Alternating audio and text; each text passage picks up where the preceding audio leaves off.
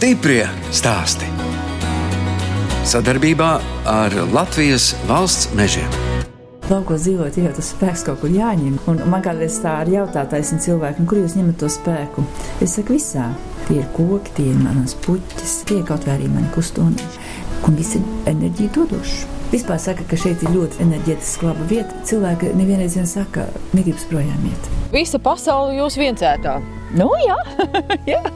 tā Viencēti jūs pabaro, viencēti jums dod enerģiju. Tā. Tāpēc es šeit dzīvoju. Tā pirms astoņiem gadiem raidījumā viensētu stāsti sacīja Madonas novada Vestienes pagasta aparēnu saimniece Ligita Vītoliņa. Es, žurnāliste Daina Zelamane, toreiz ciemojos pie saimnieces, kas ikdienā aprūpēja divas govis un teles, bija izveidojis skaistu daļdārzu ar vairāk nekā 400 puķu šķirnēm un kadiķu audzi, kā arī rūpējās par 150 putniem. Tās ir zvanu pīles. Viņas ir ļoti skaļas. Es zinu, kā viņas jau sauc. Jau nāk, nāk, nāk, nāk, nāk, nāk, nāk. Un tie ir vienīgie, kam ir atļauts uzturēties dārzā. Labi uzvedās, viņas ir maziņas, viņas tik daudz nenopakšā. Pukainīšas liekas, viņš izčupina zemīti, tā, teiksim, tādu lielu kaitniecību nenodara dārzā.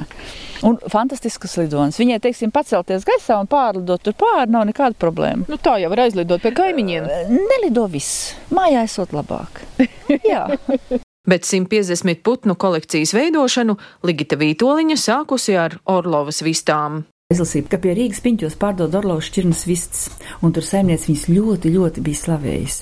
Cik viņas ir dēļas, cik viņas ir izturīgas, cik viņas ir labas, vienmēr sakot, vislabākās pasaulē. Es bērniem saku, o, mums būs olu roboti. Un viss notiksies, mēs braucam pakaļ. Viņi bija tādi ļoti smuki, tie orlovieši, tie sālīši, ja tādi kā pučuki izties. Vēl kaut ko, vēl kaut ko, un tad jau bija kā zvejnieks saka, āķis lūpā. Tā ir, nu tagad ir, kad ir um, 8 sugu putnu un 32 šķirnes jau ir. Pie iepriekš rudenī mums ļoti šāk izgāja, caunu ģimeni apciemoja mūs, iztaisīja ļoti liels postījums. Mums nokot 78 putnus. Pirmajā rītā, kad bija 18 nokosti, tad man bija šoks. Otrā rītā man slikta sirdi palika. Vienu es pamanīju nosist, ka es ieeju 8 no rīta putnu mājā, un, un viņš pašreiz ķēms tāds ņurī nost manu zīdi vistiņu, kas manī kā kunkulīts tāds spalvu vīšķītis, jā, ziniet, kas pat uzmām. Es pat nezināju, kas var būt šausmīgi nikna. Un viņš jau ielien par jebkādu mazu peļāliņu, viņš ielien iekšā, vai ne, jo viņš jau ir kā desiņa. Ņēmāmies visus apakšus, te putnu mājā režģiem nositām un visu, un tad vienalga viņš atrod, kur ielīs. Nu. Un, un tad jau es teicu, ka vairs neņemšos ar putniem, un šķirnes putni ļoti dārgi ir. Bet nākā draudzens mākslas saka, nu kā tad tu tagad vairs neturēsi viņas? Kaut ko jau bišķiņas atjaunojas, bet, nu, protams, nu, daudz kas nav vairs tas, kas bija. Nu, te ir viss, tur ir tītars, tos ir kaut kā tur gāgina, tur ir mājas pīls, muskus pīls. Kas šitā pa vistu viņa izstāsta tā kā sabozusies? Jā, Kas tā tāda? Viņa nav frizētājs atnākusi. Tas ir sprogainās. Viņiem augsts pals apakaļ, bet patiesībā ļoti labs dējējs viņas ir. Šitas ir uh, marāns, tas dēļ tāda soliņas, kas nav uz, uz lieldienām jāliek sīpolmizās vairs. Tumši, pilnīgi sarkanbrūnu solis ir. Te ir uh, polintrops, augšā ir pāvu baloži, arī baloži man ir. uh, Paula... Varu Šitas tas lielais dziedātājs. Ļauka lielais. Redziet, iznāca Hamburgas gailis laukā. Nu, zinu, Tas ir tas baltais jā, jā, jā, nu, tā, Tā kā dalmācietis. Jā, mēs tā sakām, ka dalmācieši. Nu, skaists viņš tā kā uz kāzām sataisies. Sezonas laikā apskatīt daļu dārzu un 150 putnu kolekciju brauc turisti, bet visu gadu saimniecībā ienākumus dod lopkopība. Kā jau saku, man ir divas piedzerdakšas, vairāk man nav, un man viss pakalpojumi jāpērk. Un tas ir ļoti dārgi. Otrs, kas, ja man nebūs lopu, es nesaņemšu Eiropas naudas maksājuma platības. Un tā ir mana izdzīvošana. Jo es, kas saņemu šīs naudiņas, es dalu uz visu gadu, uz mēnešiem, cik es kurā mēnesī var iztērēt. I tāpat jau nesanāk vienmēr tā kā gribi, jo kaut kur jau šādā tāpat iznāk tas pārtēriņš. Dotā momentā man ir divas govis un, un divas teles. Es pienu nenododu. Sākumā mēs te nodavām, un, kad jūs braucāt no kalna, redzējāt lejā, ja cik man tas kalns ir foršs. Un tas ziemā man pa tiem 8, 9 centīmiem tas piens bija jādabūna tur augšā tajā kalnā. Un tagad jāuzvelk ir augšā kaut kādi 120, 130 litri. Ticiet man, tajā dienā runāt negribas.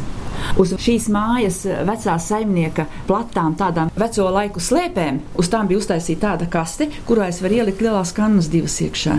Un es pat divas kannas viņas vēl augšā tur. Un es to pienu uh, nodošanu, nu vienkārši pārtraucu, jo es saņemu kaut kādas 8, 9 centīmus. Jūs veikalā pērkat pa kaut kādiem 40, 60 un cik tiem centīmiem. Paņem visu starpnieki. A mēs tas ražotājs mums nekā. Ko tā jūs darat? Tagad es realizēju sierus. Man ir savi cilvēki, kas pie manis brauc. Pasūtu, cik jau katram vajag. Sasienu, sasveru jau pa porcijām, un viņi paņem. Reģistrēties kā pašnodarbinātais, un es to visu varu darīt. Tāpat krējumu, biespienu. Un tas ir viss, ko es no gotiņas varu saražot, sviestu. To es visu varu arī realizēt patās. Protams, viss arī mums pašiem ir. Un, ticiet man, tas ir ļoti liels pluss. Jā, nav jāpērk, teiksim, veiklā tur piens, krējums, biespiens. Šo sarunu ierakstīja pirms astoņiem gadiem, kad zvanu Ligitai, jo ārkārtas situācijas dēļ arī mēs žurnālisti strādājam no mājām. Izrādās, ka tagad viņa dzīvo skrīveros.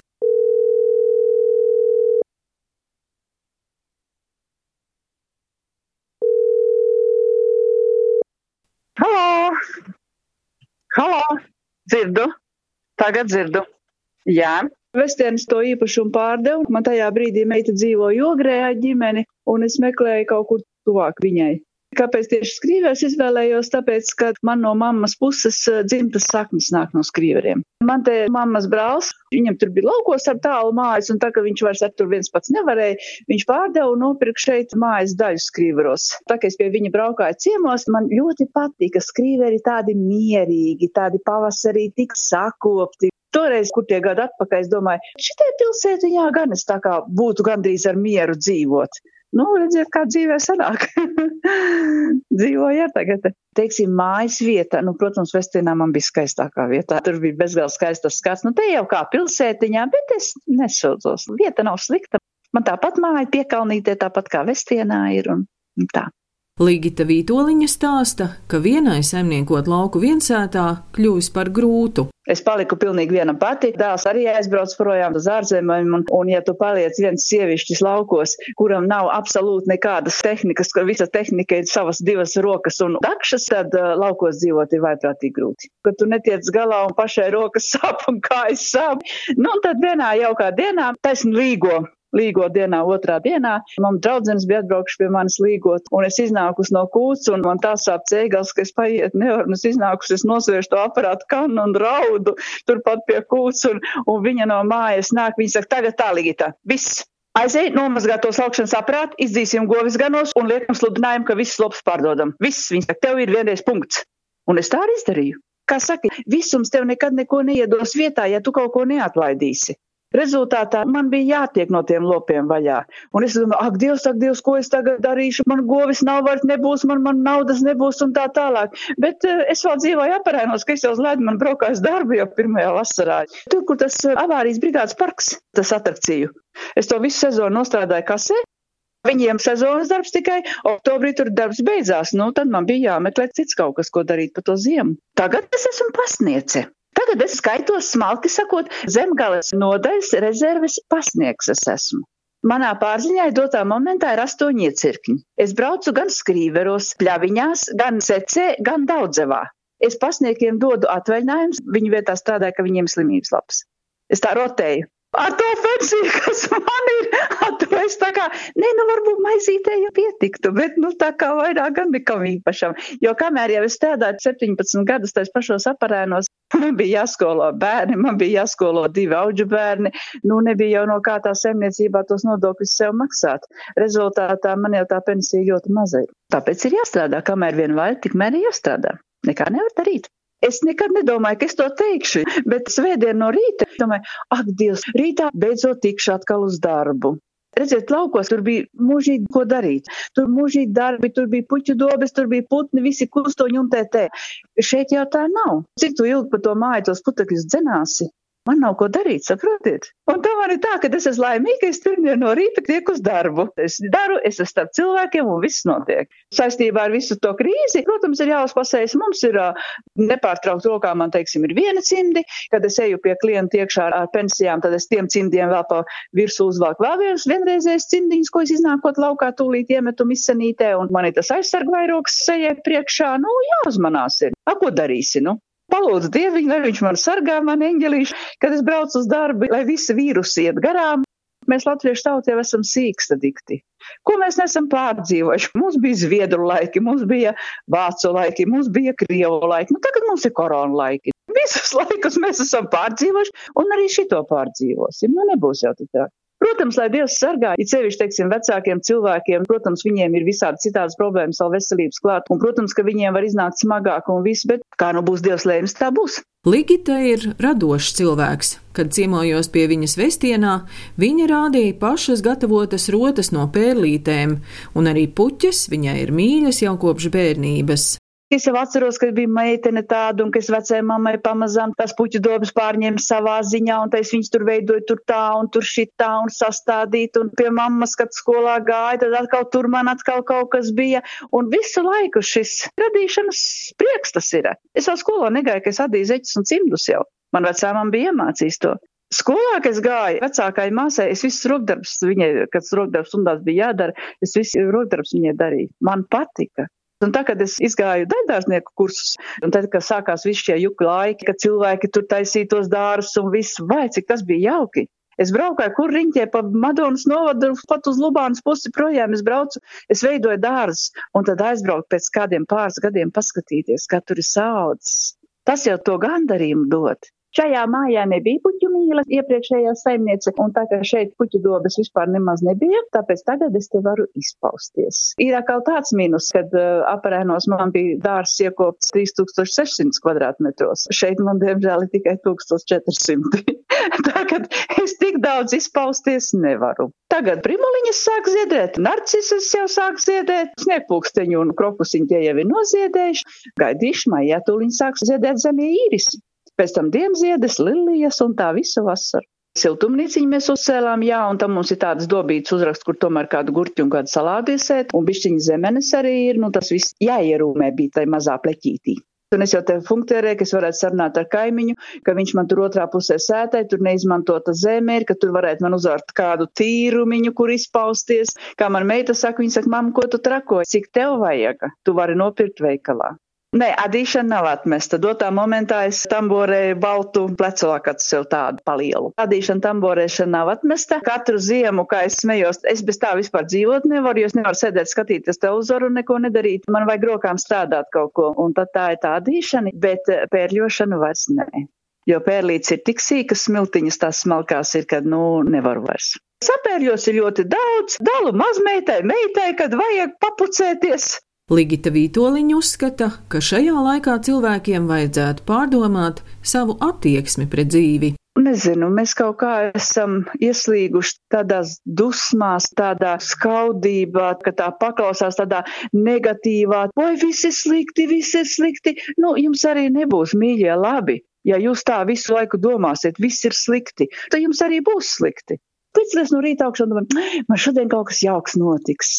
Nu, kāpēc tā nevar domāt? Vajag tā domāt, un tad arī būs. Nu, nevajag domāt tādas sliktas domas un drūmas domas. Es vismaz tā cenšos pati. Kā nu kuro reizi man iziet? Protams, ka ne jau ar man vienmēr viss ir jauki un skaisti. Man tāpatās kaut kas nesanākā vajag, bet, nu, vajag dzīvot ar mīlestību. Un dājājiet mīlestību pa labu un pa kreisi, un ticiet mani, jums nāks viņa atpakaļ daudzkārt. Stiprie stāsti!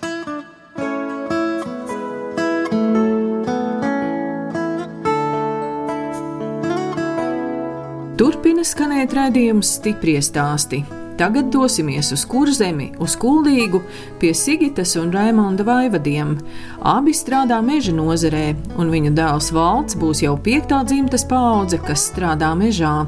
Raimonds izveidojis savu uzņēmumu Mežinieks RS un kopā ar Sigitu palīdz meža īpašniekiem mežu apsaimniekošanā. Pamats man ir, ko es daru, tā ir meža inventarizācija. Izvērtējiet, jā, jā, jā. Un pārējie pakalpojumi ir cirsmu stigošana, jaunauģu kopšana, meža stādīšana, nu visu mēs Dastošana, izvērtējam, kāds sortiments nāk no cirsmas ārā. Cik īpašums maksā, ja, ja kāds grib pārdot savu īpašumu? Liekam īpašniekiem cirsmas uz izsolēm, lai gūtu lielāko peļņu.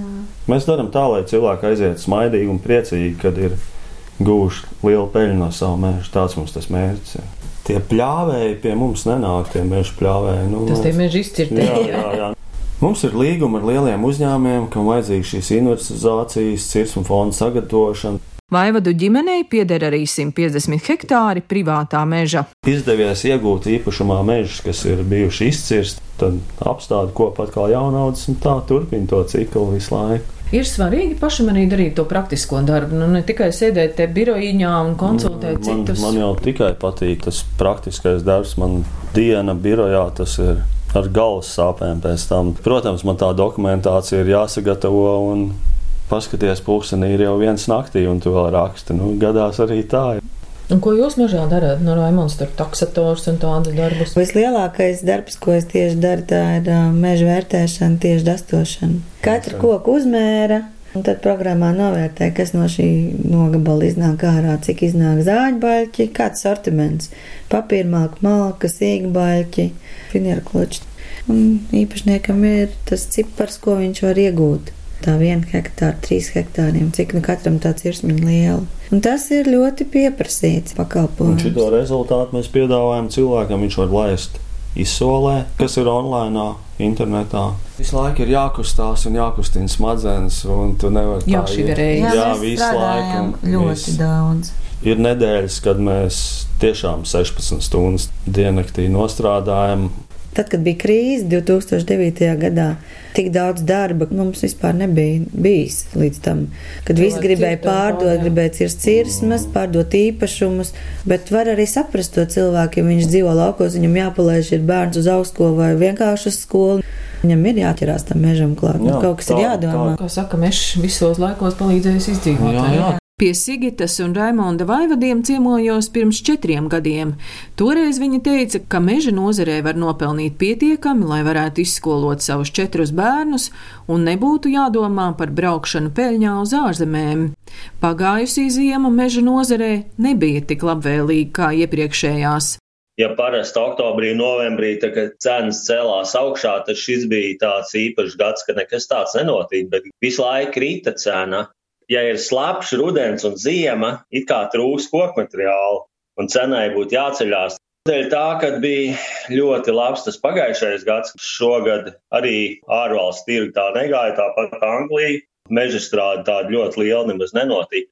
Nu, notika tādām sabiedrībām, kurām ir tikai vajadzīgi tie kubikmetri, īpaši nesakojot līdz tai cenai. Bet mēs tā vairāk centāmies cilvēks atrunāt, pataupīt vai nu pieturēt, ja nav ļoti nepieciešams, lai šogad necērtu to mežu. Taupīšanai jau ir, kā saka, pagalē divi gali. Ko taup, taupītājs, to paņem laupītājs. Un tagad jau ir tā, ja tu pataupi tos simtgadīgās priedes, tad tev atnāk dabas skaitītājs un ieliek biotopu. Ļoti žēl, ka tā mums notiek. Šobrīd jau cilvēki, es domāju, tādā lielā panikā vēl nav iekrituši, bet tā situācija, jo mēs esam visā pasaulē sasaistīti un kā tā būs, to es domāju, mēs tikai vasaras otrā pusē varēsim saprast. Un tad tas tirgus arī sāks kustēties vairāk. Jau tagad jūt, ka sāk jau interesēties par uh, īpašuma cenu un tā kustība jau lēnām sākās. Jā, apstājās koksnes rūpniecība, rūpnīca. Nu, mežā jau ir ko darīt, kopi jaunaudzes stādi. Vienīgi, ka tu no tā jau negūst ieņēmums. Un cik ilgi tu tā vari dzīvot, jo tev tāpat ir mežs jākop, ir jāzāģē papīra malka, viņš ir jāuzlabo krāja, audzēm, un kaut kur jau tev jāliek kā koks. Ne? No tā tu arī gūsi to peļņu, bet, nu, ja viss dēļ kaut kādām krīzēm apstājās, tad realizēt nav kur. Bet skatoties šobrīd um, ārvalstu tirgus, kas ir varbūt mazliet apstājušies šur tur, tad lēnām jau sāk to riteni atkal ievelt. Mums varbūt tas apjoms darbam varētu būt, ka nebūs tik liels, bet mežā vienmēr ir un būs ko darīt. Kā es smējos, es jau strādāju 20 gadus attālināti, tā kā man nekas nemainās tajā ziņā. Tā kā es mūku no vīrusiem, tad es sēžu visu laiku mežā. Meža invertizācija notiek ļoti intensīvi, kamēr nav lapas, kamēr visu var forši redzēt tikko intensīvi bebrus paķērām, lai negrauž tos kokus tik daudz, bet tas tikko beidzās. Pieci bebrīši tagad iekrita tajā pēdējā nedēļā. Mums tas viens īpašums, kur tieši bija tā lielākā šepte. Nu, žēl, nu, izkopti jaunādzi, viņi visi tos bērns paņem un nokož un viss. Tur bija tā, ka kaimiņa īpašumā ļoti liels apmetnes, tā viņi pārnāca uz manīm. Es izraku grāvis, lai pasusinātu, aiztaisīju visu grāvis ciet Un tad apēda tā 20 gadu veca apsi visu, pilnīgi. Nu, tā hektāru vienkārši gar zemi apgāza. Iznāca dusmas un gāja. Jauns mežs, jauns atvases, tagad nāk bērns iekšā. Būs bērns mežs, pats dabīgi attaukt. Bet jā, bija divas nedēļas ļoti intensīva bebra ķeršana. Tāds foršs pasākums. Un tad Raimons izdomāja jaunu metodu, kā var bebru nokūpināt. Bija ļoti labs. ja mazāk Jānija pateica, es nekad tādu nēdīšu, tad viņa vakar man pateica, iedod vēl.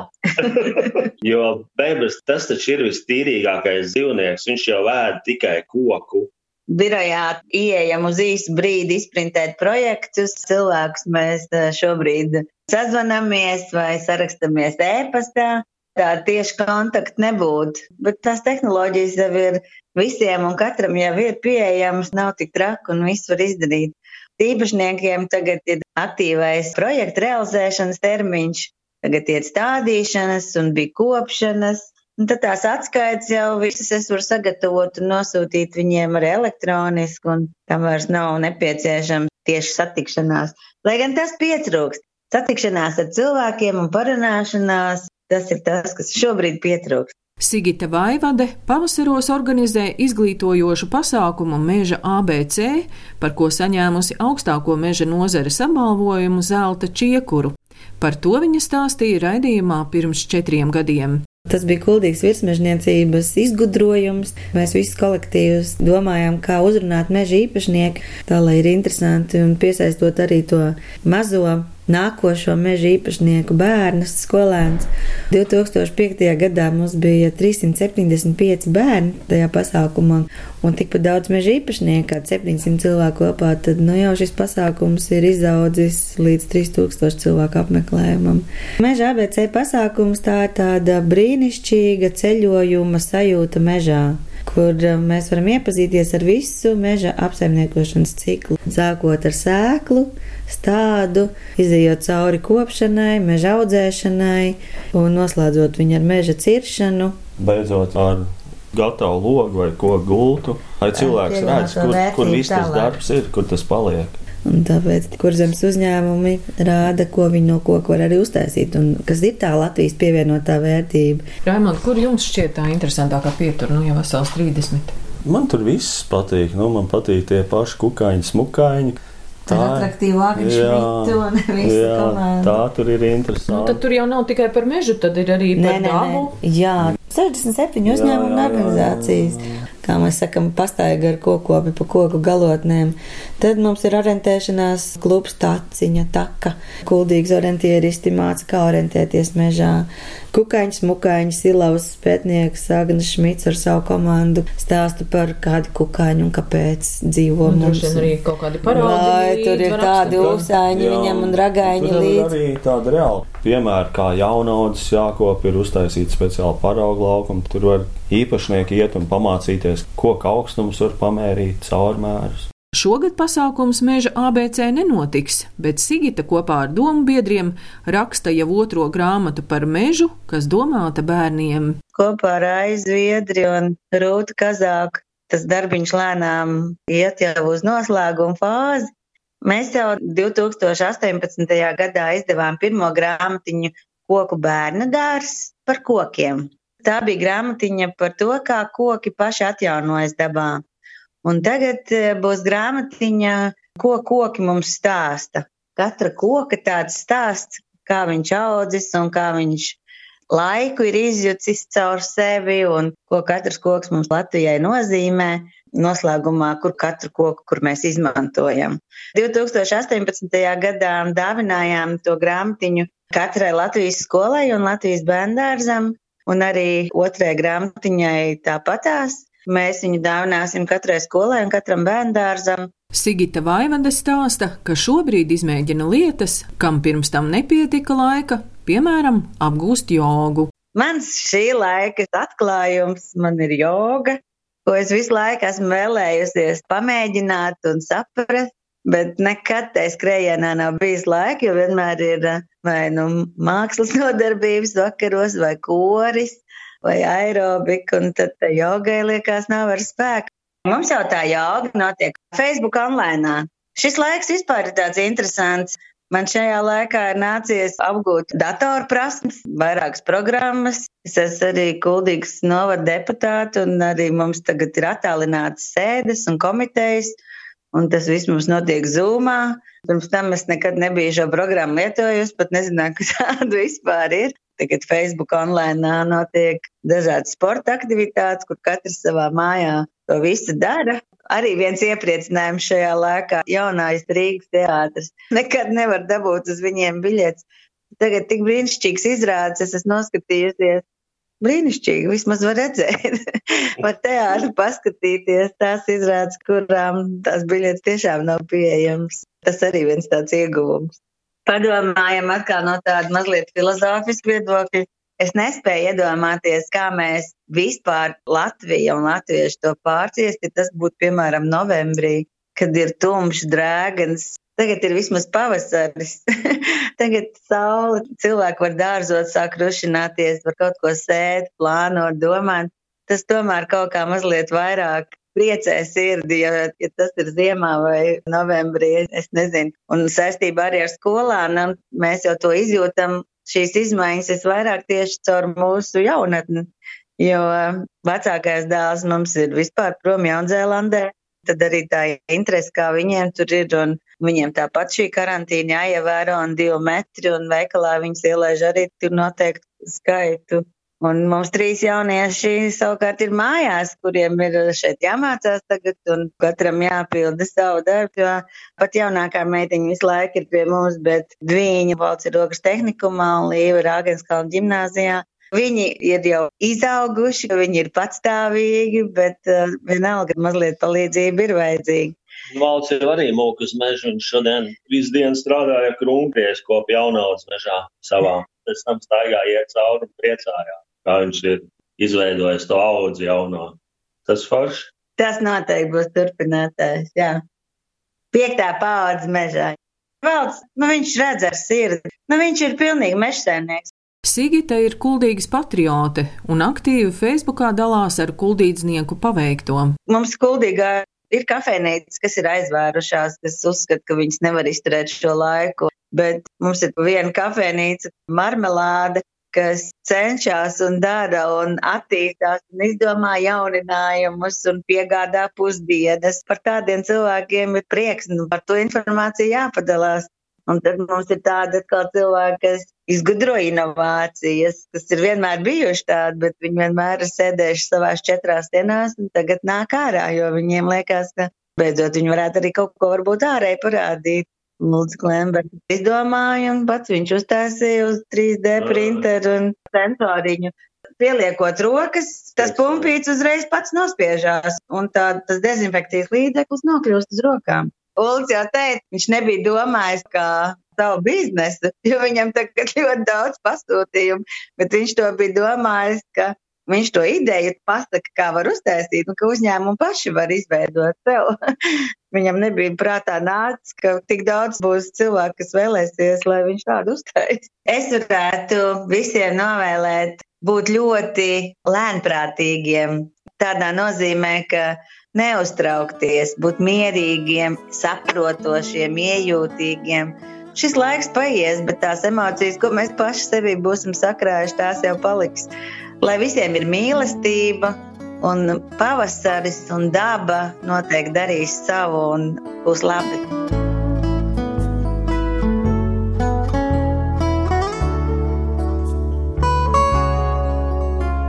Tādi bija mana šīs dienas stāsti un šodienas rādījuma dalībnieki - Meškopji Sigita un Rēmons Vaivadi no Kuldīgas, kuru dēls būs jau piektā dzimtas paudze, kas strādā mežā, un Ligita Vītoliņa, kas vairs nesaimnieko Vestienas pagasta aparēnos, bet strādā par pasnieci un veido puķu kolekciju skrīveros. No jums atvedās žurnāliste Dāna Zalamane un operātore Inga Bēdele uz tikšanos atkal pēc nedēļas.